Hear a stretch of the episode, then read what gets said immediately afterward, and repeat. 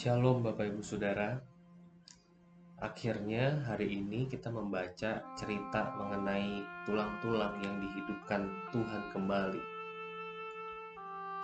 Yeskiel 37 adalah sebuah teks yang terkenal. Bangsa Israel sudah mati, mati secara rohani maupun secara jasmani.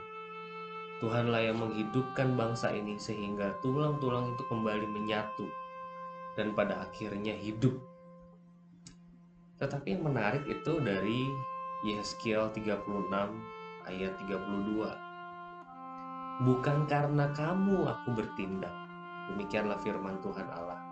Ketahuilah itu. Merasa malulah kamu dan biarlah kamu dipermalukan karena kelakuanmu hai kaum Israel. Allah menegaskan bahwa ia menyelamatkan umat bukan karena umat Israel.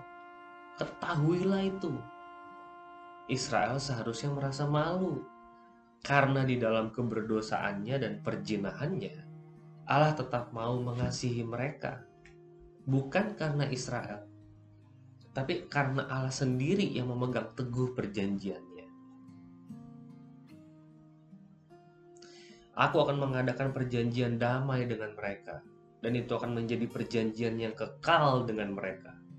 Aku akan memberkati mereka dan membuat mereka banyak dan memberikan tempat kudusku di tengah-tengah mereka untuk selama-lamanya.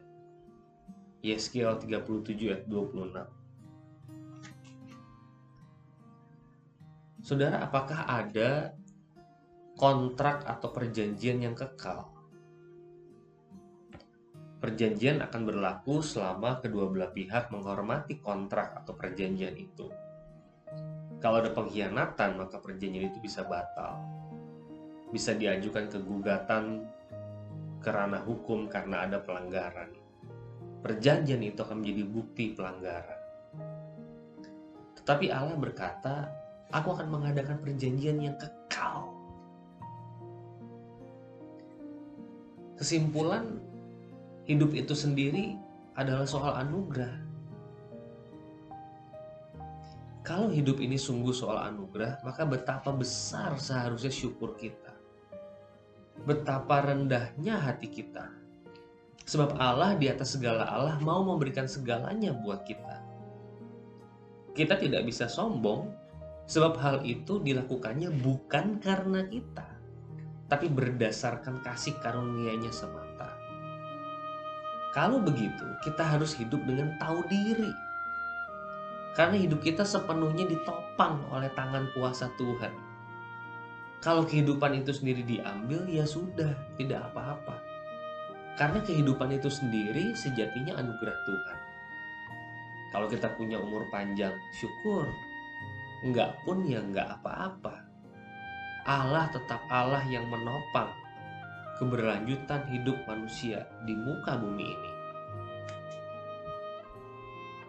Yang menjadi masalah menurut saya kita yang Kristen sudah berulang kali mendengar berita anugerah, namun tetap tidak mau menghargai anugerah itu.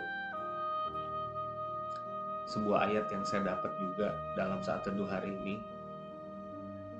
Tetapi setiap orang yang mendengar perkataanku ini dan tidak melakukannya, ia sama dengan orang yang bodoh yang mendirikan rumahnya di atas pasir.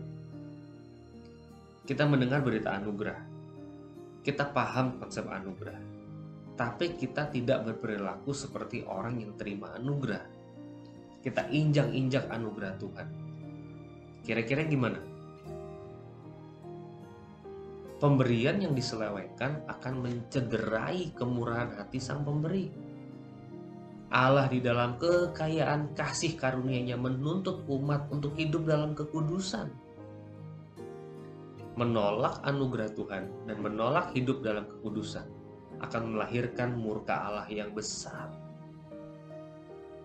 Perlu hati yang tepat untuk meresponi anugerah Tuhan.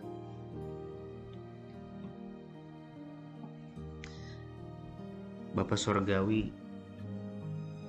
bekerjalah di dalam hati kami, supaya kami menjadi pribadi yang tahu diri. Kami ingin hati kami dipenuhi dengan syukur berlimpah-limpah dengan syukur. Bukakan mata hati kami supaya kami tahu betapa baiknya Engkau, Tuhan. Dan kami hidup di dalam kekudusan, ketaatan, kesetiaan. Karena Allah sudah terlalu baik buat kami.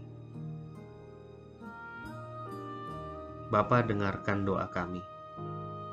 Dalam nama Tuhan Yesus kami berdoa. Amin.